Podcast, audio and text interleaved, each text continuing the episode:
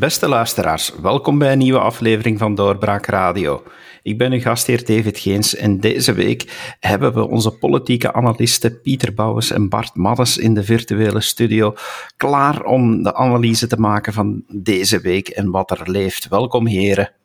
Dag David. Dag David.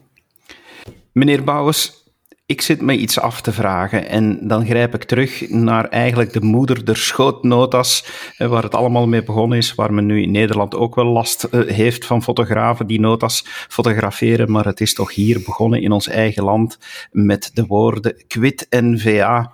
En ik ga die gewoon herhalen. Quit NVA, waar staat die partij momenteel nog voor?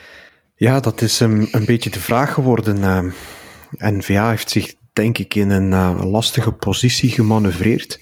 We hebben altijd, uh, of we, we, maken al een tijdje de analyse op doorbraak van uh, die traditionele partijen zijn inwisselbaar geworden. op dit moment lijkt het erop dat de NVA zodanig opschuift naar die traditionele partij, naar, naar beleidspartij, dat ze dreigt inwisselbaar te worden met die andere traditionele partijen. En dan raakt ze haar haar unieke positie in het, uh, in het landschap kwijt. Hè. Ze zit een beetje gevrongen tussen beleidspartij en, um, en uitdager van het systeem. Uh, zeg maar tussen de traditionele partijen en Vlaams Belang. En ze schuift meer en meer op naar het midden. En uh, dat zorgt ervoor dat ja, de, de, de smoel die NVA altijd heeft gehad, uh, die, die kracht van verandering die ze, die ze propageerde en uitstraalde, dat ze dat op dit moment minder hard kan maken.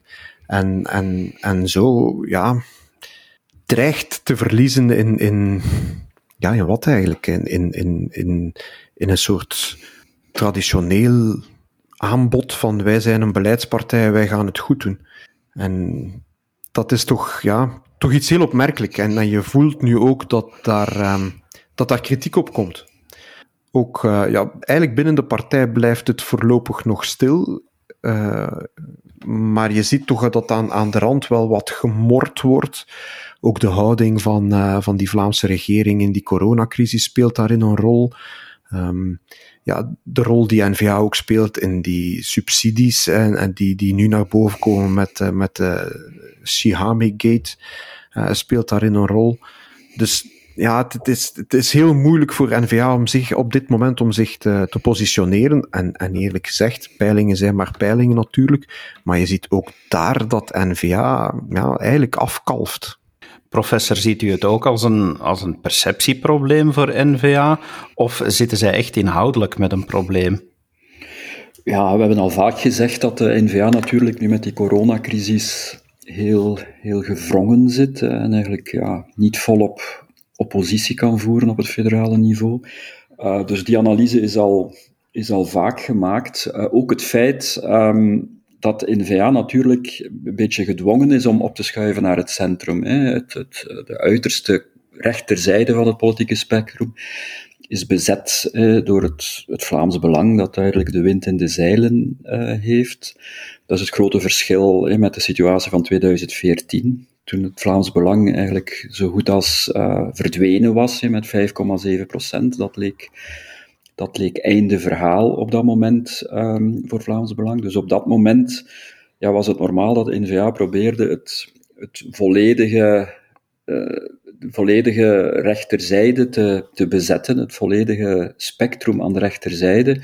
Um, ja, vandaag is dat natuurlijk geen optie meer voor de, voor de NVA. En um, is de NVA eigenlijk verplicht om, om naar het centrum te bewegen hè, en te proberen om, om nog de resterende centrumkiezers of, of centrumrechtse kiezers van CD&V en Open VLD binnen te rijven. Uh, dus dat is eigenlijk een, een, een, logische strategie van, van de NVA, dat de NVA naar het centrum evolueert um, en dus gematigder wordt en, en zich minder profileert als een, als een centrumpartij. Um, maar de grote vraag is dan natuurlijk, ja, is dat niet meer dan, dan electorale strategie? Hè? Natuurlijk door zich gematigder te profileren, omwille misschien van strategische redenen die, die begrijpelijk zijn en eigenlijk ook wel, wel correct, uh, denk ik, riskeert de partij natuurlijk een, een, een metamorfose te ondergaan. Of eigenlijk zou ik moeten zeggen, riskeert de metamorfose, die eigenlijk al begonnen is in 2014 met de Zweedse regering, die riskeert in een stroomversnelling te komen. De partij uh, zal de meer radicale Flaminghamten op den duur afstoten um, en zal omgekeerd ja, meer gematigde politici en, en militanten aantrekken.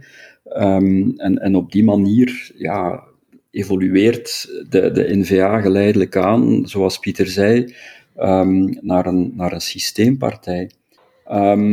Natuurlijk, vanuit het perspectief van de NVA is het goede nieuws uh, dat de verkiezingen pas zullen plaatsvinden in 2024. Dat is eigenlijk nog een eeuwigheid, nog veel meer dan een eeuwigheid, bij wijze van spreken, um, in de politiek. Dus tegen 2024 kan er nog, nog heel veel gebeuren. Um, er staat ook een, een congres op stapel van de NVA. Dat kan een soort nieuw momentum creëren, dat is blijkbaar de bedoeling.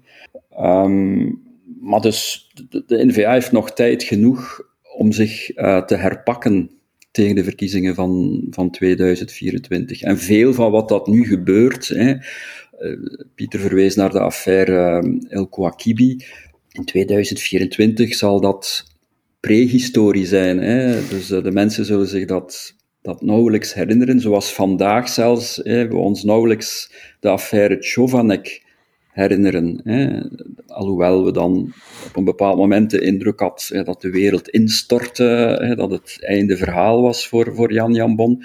Maar vandaag alleen moeten we ons echt al uh, inspannen, moeten we onze hersenen pijnigen, hè, want hoe zat dat weer in elkaar met die affaire Chovanec? Dus dat is verleden tijd. Dus dat gaat eigenlijk allemaal um, allemaal heel snel. En ik denk dat eh, de huidige politieke situatie, de huidige peilingen, de, ook het hele coronagedoe eigenlijk ons nog niet zoveel zegt over hoe de verkiezingen in 2024 zullen verlopen. En verkiezingen worden altijd bepaald door hetgeen dat in de onmiddellijke aanloop naar die verkiezingen gebeurt. Um, ik denk aan 2019, de, het hele klimaatgedoe, de, de klimaatspijbelaars wie had er in 2014 durven voorspellen ja, dat dat eigenlijk de, de verkiezingscampagne zou, uh, zou domineren? Ja, professor Madders gaat er blijkbaar vanuit dat uh, de Vivaldi-regering uh, de rit zal uitdoen. Um, ja goed, misschien moeten we daar gemakshalve ook maar van uitgaan. De vraag die ik mij stel is, wat valt er in dat midden van het politieke spectrum nog te halen? Ik denk um, dat er een deel kiezers zijn van VLD, van CD&V, van SPA, die nooit, maar dan ook nooit voor de NVA zullen stemmen. Omwille van het feit van, van dat, dat randje Vlaams nationalisme dat daar sowieso nog aan zit. En als al die partijen allemaal in het centrum gaan samentroepen, ja, dan gaat het inderdaad van, ja, van events afhangen en, en van, van van gebeurtenissen vlak voor de campagne, vlak tijdens de campagne misschien, uh, domme versprekingen, uh, van wie in dat middenveld gaat lopen met die stem.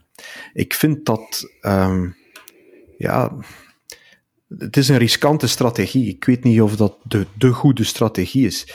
Ik weet niet of het zo verstandig is van NVA om, om die strategie ook zo af te stemmen op Vlaams Belang de kracht van de NVA is altijd geweest dat zij uitgingen van hun eigen sterkte. Het waren de andere partijen die de fout maakten om, om heel een strategie af te stemmen op die NVA, die nieuwe speler die was binnengekomen, die, die, die het hele systeem een beetje ontwrichtte, die daar plots heel veel stemmen nam en, en iedereen is zich gaan herpositioneren. Partijen die voor confederalisme waren, waren plots enorm tegen met als enige reden N-VA was voor confederalisme en had een nieuwe plaats ingenomen. En nu dreigt eigenlijk N-VA diezelfde fout te maken van, van heel een politieke streven te richten op, ja, op rechts zit Vlaams Belang, die hebben wind in de zeilen, dus wij gaan opschuiven. Ik denk niet dat dat, dat, dat een verstandige keuze is. En ik vrees ja, dat je dan één, niet zo heel veel wind in het centrum, maar twee, ook aan die rechterkant kant wel wat verliest. Ik, ik, ik zie en hoor wel wat uh, ja, kiezers die boos zijn omwille van keuzes die, die, die NVA nu maakt of niet maakt net. En, en ja, dan denk ik dat NVA in een slecht scenario terecht terecht te komen. Het is toch wel zo dat waar NVA vroeger duidelijk dossiers had om zich op te profileren, dat er nu volgens sommigen toch en waarnemers dat er ook zulke dossiers zijn, maar dat NVA de kans niet meer grijpt om zich daarop te profileren. En bijvoorbeeld iets wat ik recent gelezen heb op eh, onze eigen site, op Doorbraak, is dat eh, de Brusselse NVA eigenlijk heel weinig doet om het onvermogen van de Brusselse regering en de flagrante schendingen van de taalwetgeving aan de kaak te stellen. Dat zijn toch dingen die eigenlijk ja, helemaal gemaakt zijn voor de NVA om, om daarop te profileren en ze doen dat niet. Ja, Brussel is weer iets anders. Ehm, ik vind dat ehm, de, de fractie van NVA in, in, in Brussel is wel is een oppositiefractie die het eigenlijk wel goed doet, maar die het heel moeilijk heeft. Die vaak ook gewoon geen antwoord krijgt op haar vragen van die Brusselse regering. Maar dat wordt heel weinig gevolgd door, uh, door, Vlaamse, um, door Vlaamse pers. En de Vlaamse pers die het volgt, is dan vaak de Vlaams-Brusselse pers. Die je niet van enige uh, onpartij, die je niet van uh, enige onpartijdigheid enfin, die partijdig is, ik zal het zo gewoon zeggen. Um, dat is een probleem. En en, en zij kunnen daar moeilijk mee scoren. Een van de volgende dagen uh, hebben we het op doorbraak over het verslag van de vice-gouverneur, een jaarlijks terugkerende gebeurtenis in Brussel, die elke keer weer aanduidt hoe Brussel de taalwet niet volgt. Uh, N-VA stelt daar vragen over, krijgt er amper antwoord over. En dan komt iemand van, van, van de SPA-fractie stelt daar een vraag over in het Brussels parlement of in de commissie en dan komt er wel een heel debat. Dus je krijgt daar ook een, een vertekend beeld van. Maar langs de andere kant, zeker in Vlaanderen, meer dan in Brussel en, en, en ook federaal, laat N-VA kansen liggen, daar ben ik het mee eens. Um, ze, ik heb vaak de indruk dat, dat ze meer um, dat ze meer bezig zijn met, met, met aanvaard te worden als beleidspartij dan, dan echt uh, echt zware, zware oppositie te voeren. Maar het is ook waar wat, wat Bart zegt. Uh, ze zitten gevrongen. Hè. Je zit met die, met die crisis, met die corona, die het heel moeilijk maakt om aan, aan gewone politiek te doen, federaal.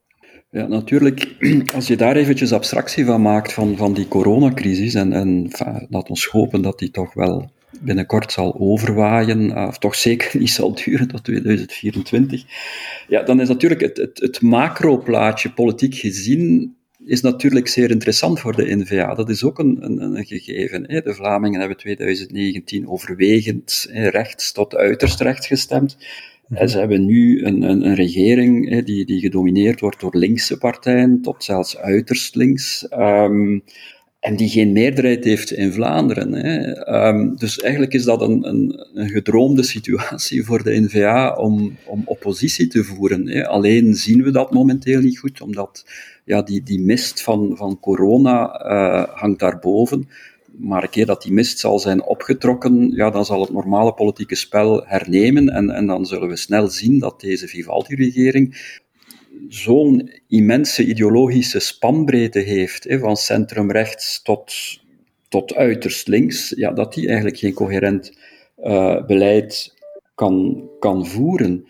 Um, het, is eigenlijk ook zo um, dat, dat nu al, zelfs ondanks corona, zit het er binnen die coalitie bovenarms mhm. op. hè? Wanneer, wanneer Magnet zegt hè, dat hij uh, de vakbondsactie, de staking, dat hij die voor 200% steunt, terwijl die staking eigenlijk wel gericht is tegen de huidige regering. Ja, dan, dan heb ik iets van, dit is het, het, kabinet, het kibbelkabinet in het kwadraat. Toen die term kibbelkabinet gelanceerd is voor de Zweedse regering, dan moet ergens in 2015 geweest zijn. Dat zeker in 2016 was dat dan mondgemeen om te spreken over, over dat kibbelkabinet. Toen werd er eigenlijk veel, veel minder gekibbeld dan nu het geval is. Denk ook aan, aan um, Georges-Louis Boucher, die dan eh, meteen de coronamaatregelen afschiet en spreekt over een drievoudige mislukking van de, van de regering. Dus dat is veel meer kibbelen dan het geval was in de Zweedse regering op het moment dat uh, dat verwijtwoord kibbelkabinet uh, werd gelanceerd. Maar toen zag je natuurlijk ja, dat er een verwachting was in de media dat dat, dat een homogene regering zou zijn, hè, een, een centrumrechtse regering, een, een, de, de, de droomcoalitie van, van Bart de Wever. En daardoor, ja, elke ruzie die er was, elk conflict dat er was, werd dan ook enorm uitvergroot, hè, omdat men ja, de verwachting had dat die regering, dat dat een soort een rechtse vriendenclub zou zijn, uh, die, die, die, die zouden samenwerken tot en met.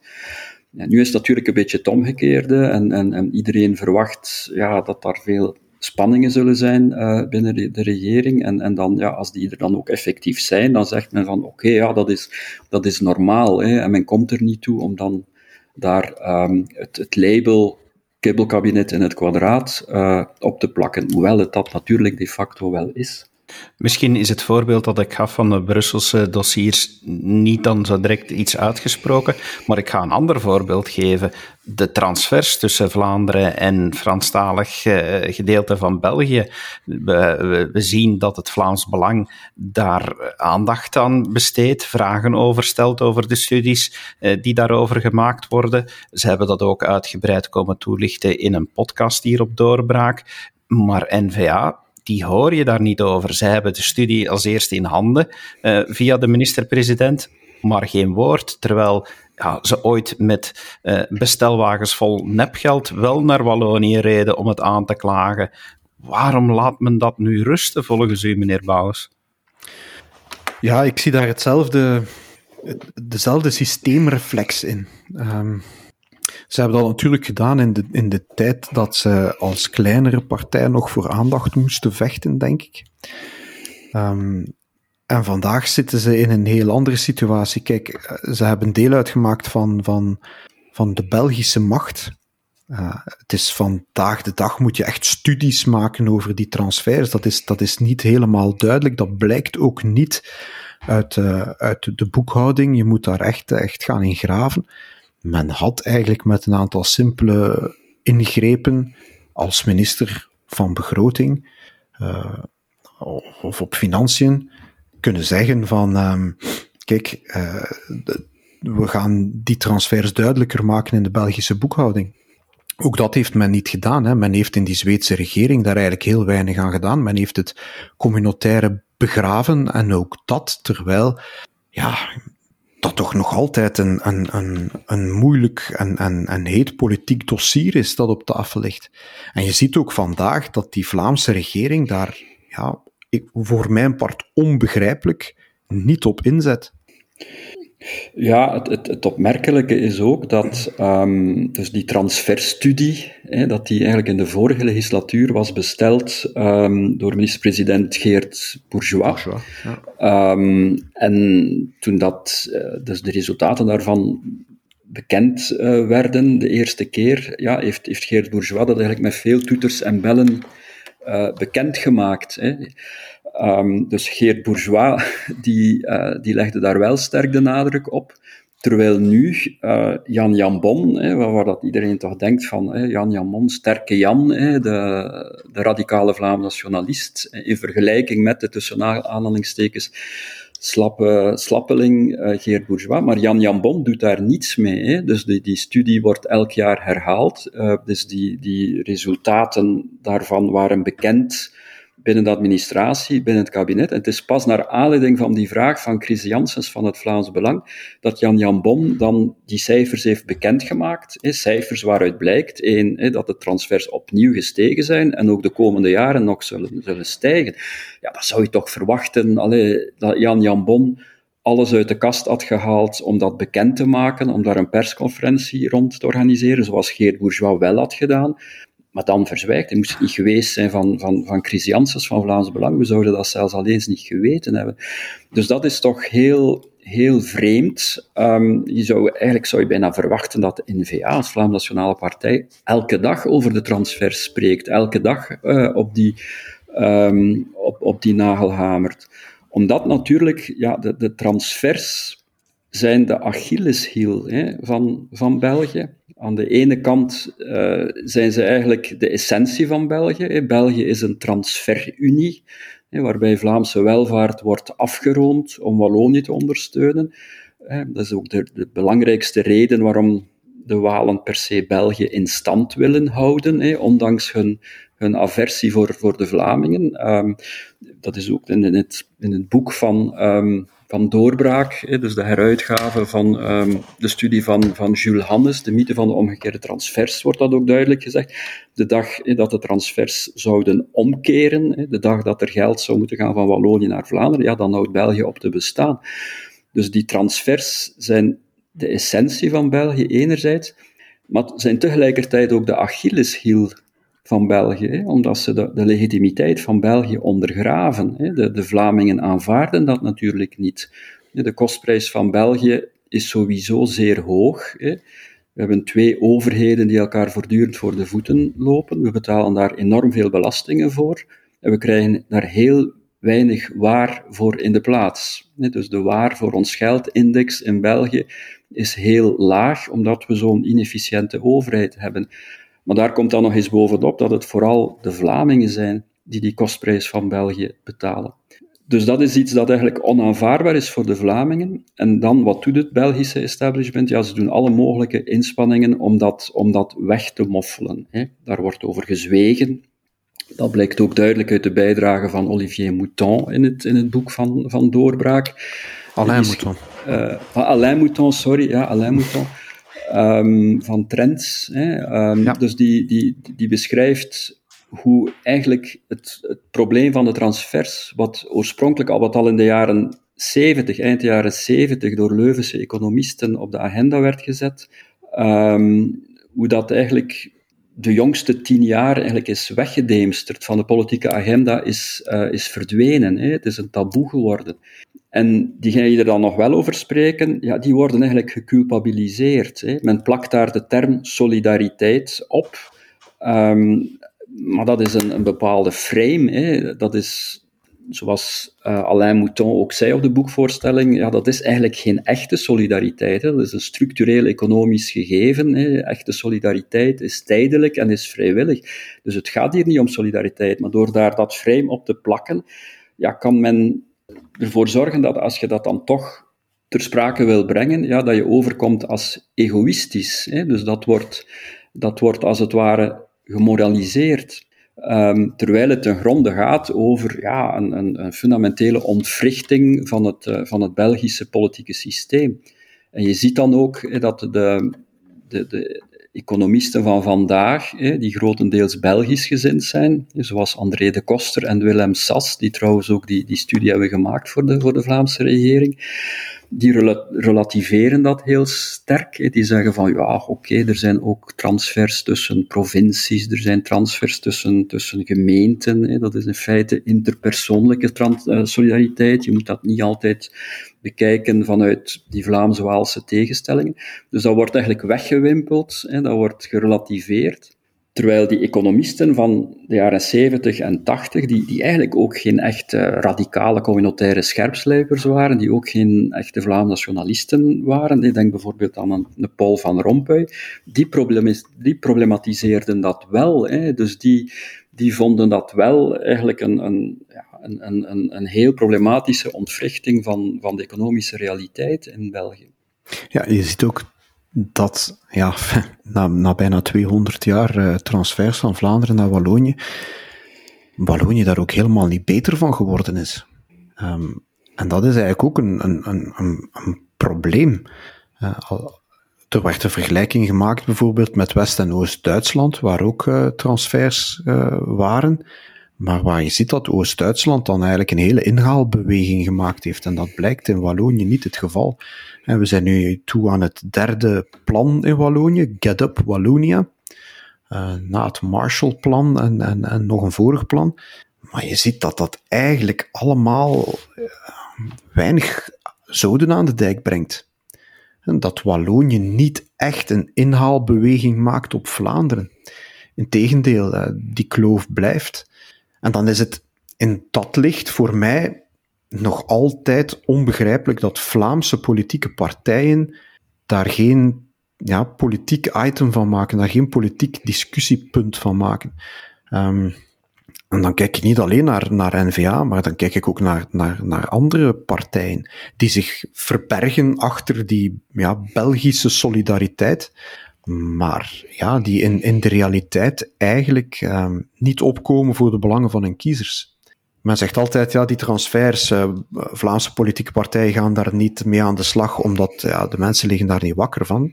Dat is natuurlijk omdat geen enkele, part, dat, dat, omdat geen enkele politieke partij daar ook echt een politieke zaak van maakt en daar ook echt politiek op werft. Uh, en dat is iets dat mij blijft verwonderen. Uh, dat ook NVA dat nu laat schieten, vind ik eigenlijk heel eigenaardig. Of ze zouden me moeten uh, in een volgend congres dat er zit aan te komen verrassen om daar toch mee uit te pakken.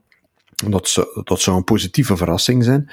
Maar ik zie het op dit moment niet gebeuren. Ik heb de indruk dat zij um, ervan uitgaan dat zij na een volgende verkiezing um, in, in een onderhandeling zullen kunnen komen met de PS om die grote uh, staatshervorming, die, die Copernicaanse omwenteling in België, of uh, het confederalisme, of noem het hoe je het wil, dat ze die zullen kunnen doorvoeren en dat ze daarom eigenlijk op dit moment een soort positie bepalen en innemen die ja, het gesprek niet de facto onmogelijk maakt. Maar, maar herinner u hoe N-VA ooit, ooit campagne gevoerd heeft met, met de strik van die Rupo bijvoorbeeld. Uh, vandaag is, is het ondenkbaar dat die partij dat, dat nog zou doen. Het is ondenkbaar dat ze, dat ze met die vrachtwagens naar Strepi nog rijden. En dan vraag ik me af, ja, nochtans is er in de feiten weinig, weinig veranderd. Ze kunnen dat nog altijd aanklagen. Maar je ziet toch dat N-VA, voor een partij die zoveel bezig is met identiteit, op zoek is naar haar eigen identiteit. Eh, als we dat eh, even ook, ook breder bekijken, eh, kijk het nu zelfs naar, naar het Europees Parlement, daar, daar zie je toch ook dat ze met een zoektocht bezig zijn. Er zijn alsmaar luider klinkende geruchten dat N-VA zoekt bij welke fractie ze thuis hoort, maar niet kan kiezen dat, dat is toch ook een teken aan de wand, professor? Mm, ja, dat is natuurlijk een heel, een heel boeiend uh, verhaal, die, die Europese fractievorming. Uh, ook al omdat um, dus uh, toen bleek na de verkiezingen van 2019 dat ook Vox, het extreemrechtse, frankistische, de anti-Catalaanse partij in, in, in Spanje, zou toetreden tot dezelfde fractie als de NVA, hè, dus de, de ECR-fractie. Eh, ja, toen, toen zei de NVA van, oh, dat is geen probleem, want die fracties in het Europees Parlement, dat zijn eigenlijk louter technische fracties. Hè. Je kunt dat niet vergelijken met uh, de fracties in het Belgische of het Vlaamse parlement. En voor een stuk is dat ook wel waar, hè, um, maar ook weer niet helemaal. Hè. Dus ik denk wel dat de, fracties, zeker van de traditionele partijen, um, Christen-Democraten, Socialisten, Liberalen, dat, dat die toch wel een, een aanzienlijke inhoudelijke homogeniteit uh, hebben. Ook de uiterst rechtse uh, fractie, maar natuurlijk, die, die fractiecohesie is, is hoe dan ook een stuk kleiner dan, dan in onze parlement, in het Vlaams-Belgisch parlement. Uh, zeker bij de, bij de kleinere fracties, dat, dat is inderdaad waar. Uh, maar dat was toen het argument van, van heer Bourgeois, om daar geen probleem in te zien, dat de NVA samenzit hè, met die vreselijke partij Vox in één fractie.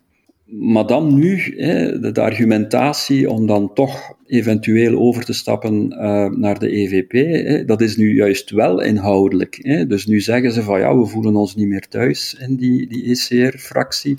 Dan wordt er ook niet zozeer verwezen naar Vox, maar wel naar de PIS-partij van, uh, van Polen en um, de, de Fratelli d'Italia, de uiterst rechtse uh, partij in, in Italië.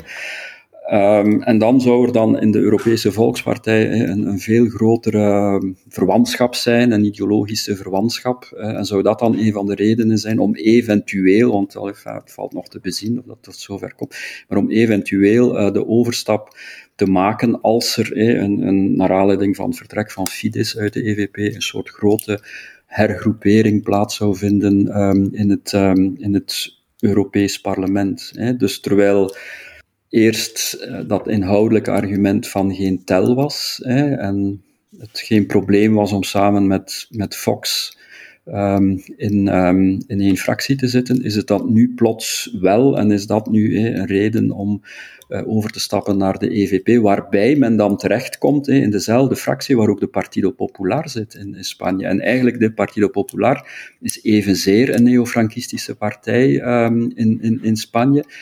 En vind ik persoonlijk eigenlijk nog problematischer dan, dan Vox. Hè. Vox is voor een stuk een, een schertspartij. Maar vergeet niet dat de Partido Popular wel de partij is in Spanje die aan de basis ligt van het hele probleem. Die dus eigenlijk het nieuwe autonomiestatuut in Catalonië heeft aangekaart bij het grondwettelijk hof, waardoor het grondwettelijk hof uh, in, in Spanje dus dat autonomiestatuut heeft, uh, heeft vernietigd. En daardoor is het balletje aan het rollen gegaan. Het is ook de Partido Popular uh, die artikel 155 heeft, heeft geactiveerd, die ervoor heeft gezorgd uh, dat de leiders van onafhankelijkheidsbeweging um, nu achter de tralies zitten. Um, en die ook aan de basis ligt van heel de hypocrisie van de, van de Europese Unie. Hè. Het feit dat de Europese Unie de andere richting uh, opkijkt, uh, dat de Europese Unie wel veel tamtamra maakt rond Hongarije en Polen, maar doet alsof dat er in Spanje niets aan de hand is, terwijl dat er maar één land is in de Europese Unie waar dat er politieke gevangenen zijn. En dat is wel Spanje. En daar is de Partido Popular verantwoordelijk voor. En dan nu zou de N-VA er geen probleem in zien om nota bene, omwille van inhoudelijke redenen, de overstap te maken naar de fractie waar dat ook de Partido Popular in zit. Het is natuurlijk zo dat uh, in Europa op dit moment nog altijd, en zeker ook in het Europees Parlement, de macht grotendeels bij die EVP-fractie zit. En als je ook kijkt naar het uh, politiek personeel van de NVA in het Europees Parlement, dan heb je met uh, Bourgeois van Overtveld en Kanko mensen die eerder aan die kant van de partij ook zitten, hè, de bestuurskant, de ja, establishment kant, of hoe moet ik het zeggen? Het zijn geen, geen mensen die, die aan de rechterkant uh, op de barricades zullen gaan staan. En, en die dus eerder ook um, aansluiting zoeken bij die, bij die Europese Volkspartij. De vraag is natuurlijk wat de houding van de CD&V en CDH daarin zal zijn. Als ik het goed begrepen heb, hebben zij daar zeker een stem in en kunnen zij dat tegenhouden. En hebben zij dat in het verleden ook tegengehouden? Is dat de reden waarom de, de, de NVA op dit moment niet in de Europese Volkspartij zit? Maar het is natuurlijk ook zo dat het gonst van de geruchten, uh, professor Maddes heeft het daar net ook aangeraakt, um, Fidesz is, is uit die Europese Volkspartij gestapt slash gezet, uh, of gestapt net voor ze eruit gezet werd. Um, en dat maakt een aantal dingen los. Hè. Zij zijn nu een, een niet gebonden fractie. Maar dat wil ook zeggen dat zij al een, al posten in dat Europees parlement, voorzitterschappen en dergelijke, dat ze die allemaal kwijt zijn. Dus die partij staat onder druk om zich opnieuw bij een of andere fractie aan te sluiten en, en opnieuw een aantal posten te kunnen innemen.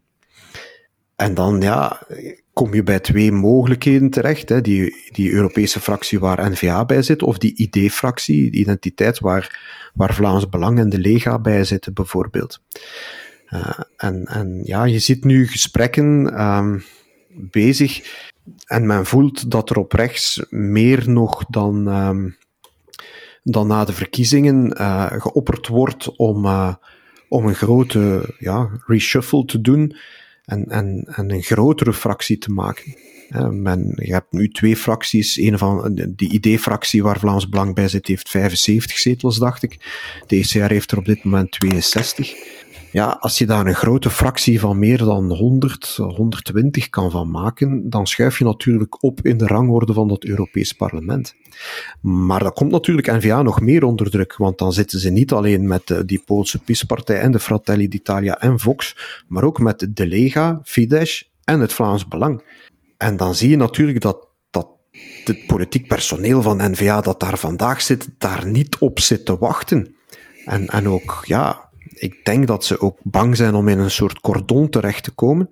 En dat dat ook ja, Belgisch zal spelen. Dat Waalse, Franstalige partijen dan zullen zeggen, maar ja, in het Europees parlement vormen jullie één fractie met Vlaams Belang en, en het cordon sanitair, en dan kunnen wij met u ook niet samenwerken. Ik denk dat die die, die angst daar ook wel in zit.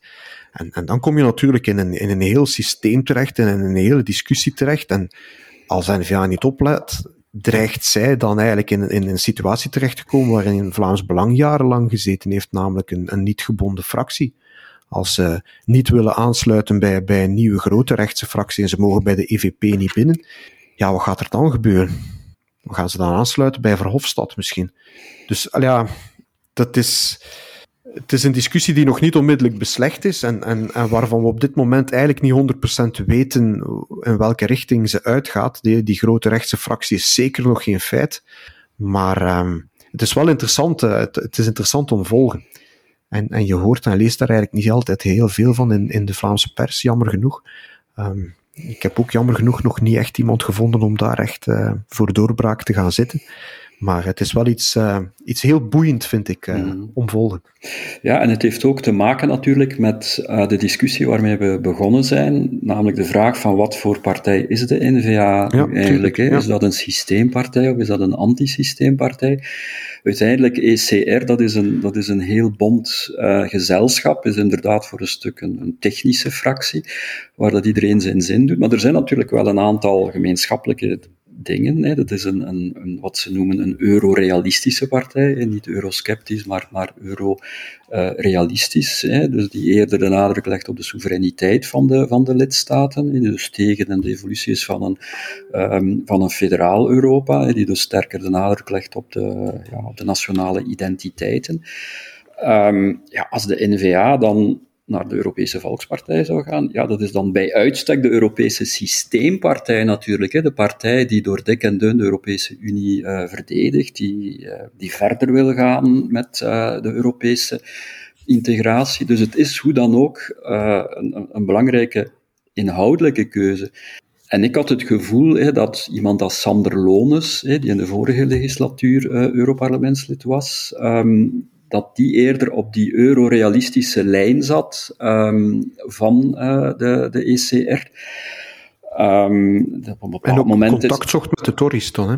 Ja, ja, ja, natuurlijk, dat speelt ook ja. mee. Hè. Dus het, ja. de, de, de band tussen N-VA en de Conservatives en het feit dat, dat ja, Bart de Wever ook nogal intiem was met de, met de Britse Conservatives, die natuurlijk vertrokken zijn uh, na, de, na de brexit.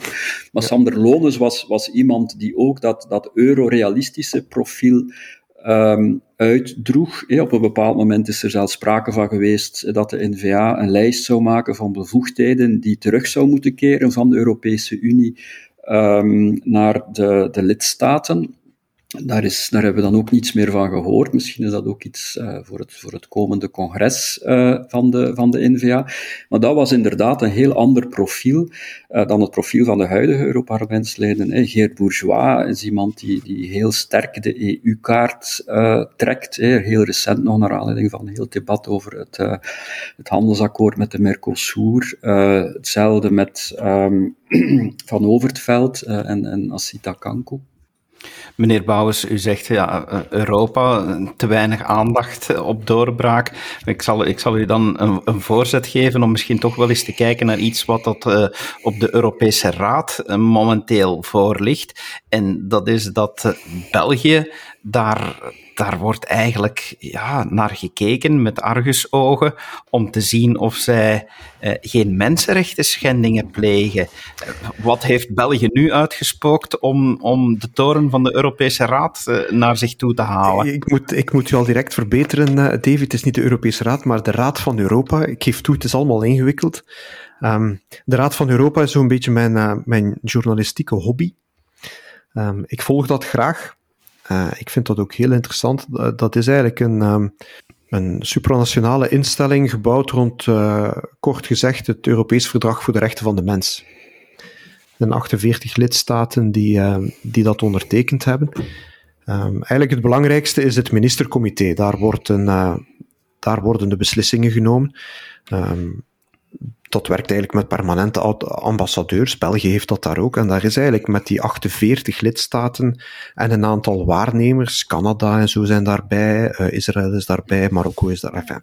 Dus dat is eigenlijk een heel groot netwerk staten waar men permanent in mee in overleg is.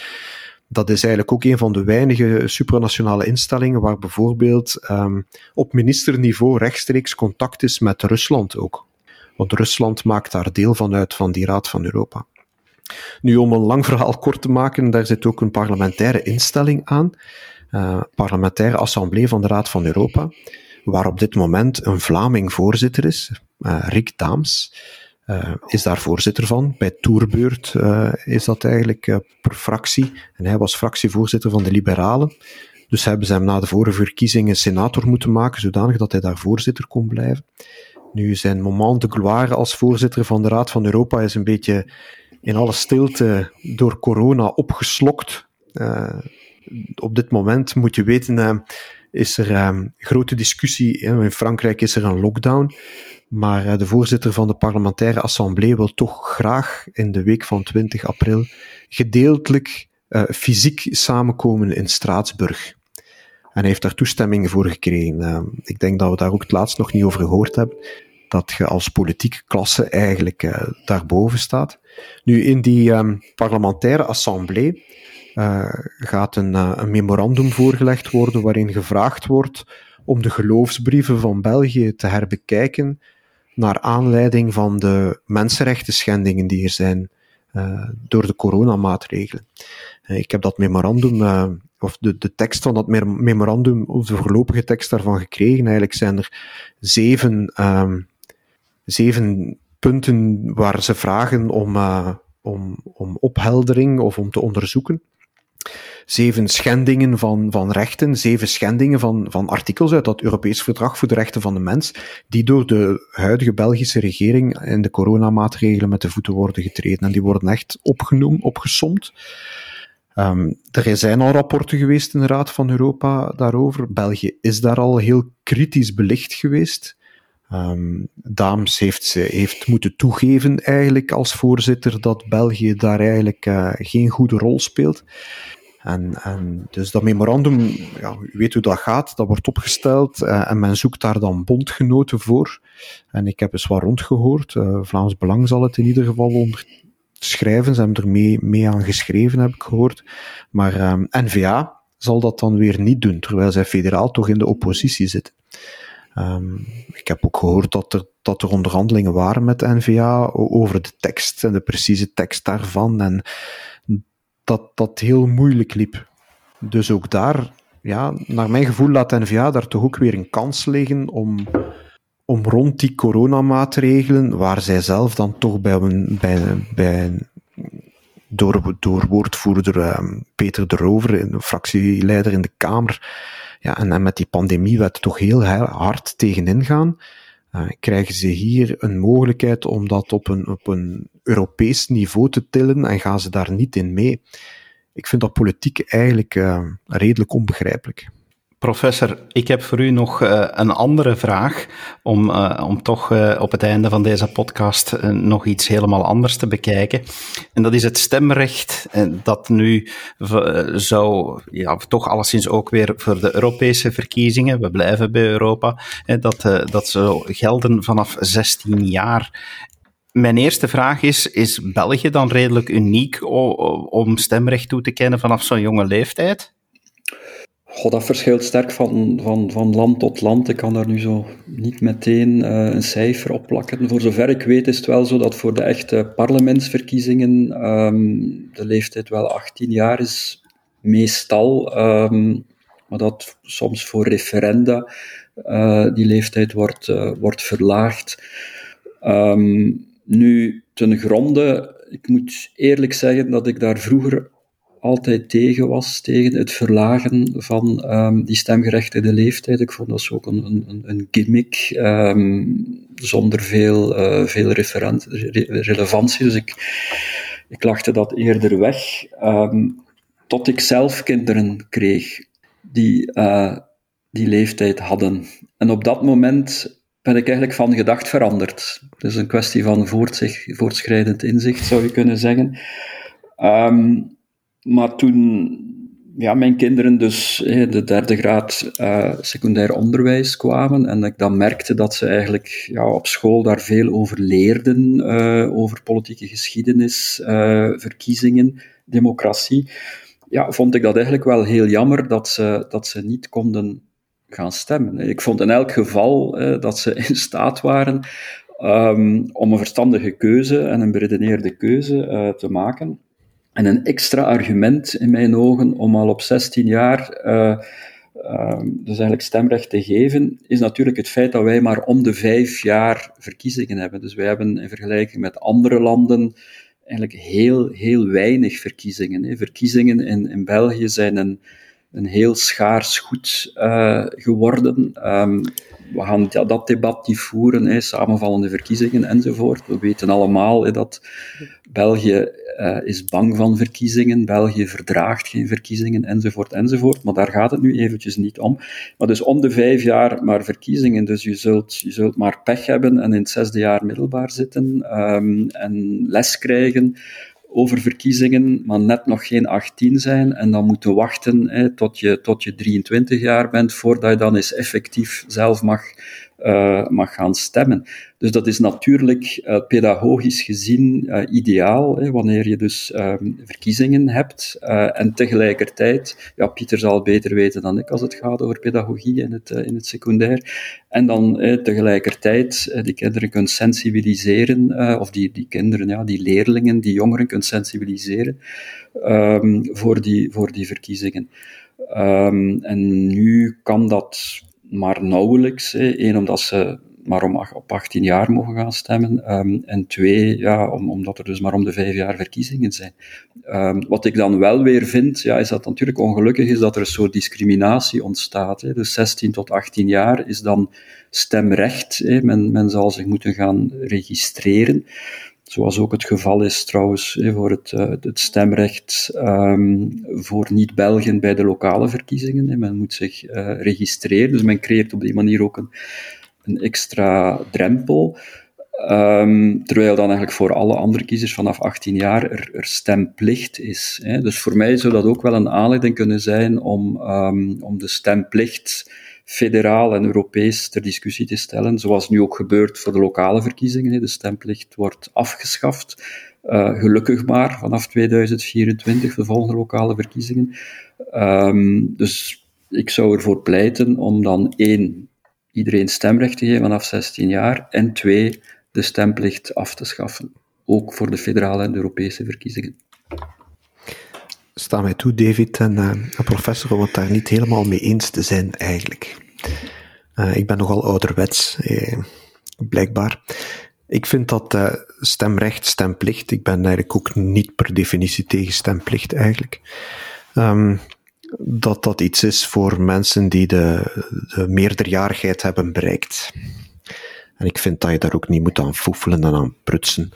Um, ik ben altijd argwanend als partijen beginnen foefelen en prutsen aan die kieswet. Ik heb dan altijd een of ander gevoel dat daar een soort politiek opportunisme mee gemoeid is. Um, hoewel onderzoeken uitwijzen dat het allemaal niet zoveel verschil zou maken. Maar ik heb ook hier zo'n beetje het gevoel dat dat een soort, ja, inderdaad, fe soort fetisch, ik weet het niet. Zo'n beetje het kijk- en luistergeld van Paars hebben we nu uh, stemrecht op 16. Um, ik weet dat niet. Ik vind dat, ik loop daar niet, niet warm voor. Voor een aantal kinderen zal dat inderdaad wel. Ja, ik, ik, werd er gisteravond aan tafel uh, mee geconfronteerd toen uh, mijn dochter, die 14 wordt in augustus, vroeg wanneer die verkiezingen in 2024 dan wel zouden plaatsvinden. Om dan te kunnen uitrekenen of ze al dan niet zou kunnen gaan stemmen. Um, maar goed, ik vind dat er ook dingen zijn. Uh, ik, op die leeftijd zou ik ook graag gestemd hebben. En ik heb er naar uitgekeken om dat na mijn achttiende wel te kunnen doen. En ik zie eigenlijk geen enkele reden om dat te veranderen. Maar goed, ja, kijk, we, zullen het niet tegenhouden. Het is alleen voor Europa ook nog. Um, maar ik zie daar echt geen meerwaarde in, eerlijk gezegd. Wel, ik zie er één voordeel in en laat ik daarmee besluiten. Dat is dat, er, uh, dat, dat het interessant wordt om vanaf 16 jaar een abonnement te nemen op Doorbraak en veel frequenter beginnen te luisteren naar deze podcasts uh, die, die we samen maken, zodanig dat die 16-jarigen tenminste toch weten waarvoor ze gaan stemmen. Mijn oudste dochter heeft dat al, een abonnement op Doorbraak. Je moet jong beginnen, hè, David? Dat is, dat is uh, wijs, wijs opgevoed, Pieter. Uh, ik doe dus, mijn best, dank u, dank u. Goed. Heren, daarmee kunnen we besluiten dat we toch weer de politieke analyse van deze week gemaakt hebben. Dank je wel, meneer Bouwens, meneer Maddes, voor jullie bijdrage. Graag gedaan. En u, beste luisteraar, uiteraard blijf afstemmen. Volgende week is de politieke analyse weer voor Karel Drabbe en Karel de Vos. En wij zijn er met ons drie weer terug binnen twee weken. Tot dan. Dag. Dit was een episode van Doorbraak Radio, de podcast van doorbraak.be. Volg onze podcast op doorbraak.be/radio of via Apple Podcasts, Overcast of Spotify. Bezoek ook onze website op doorbraak.be en steun ons door een vriend te worden van Doorbraak.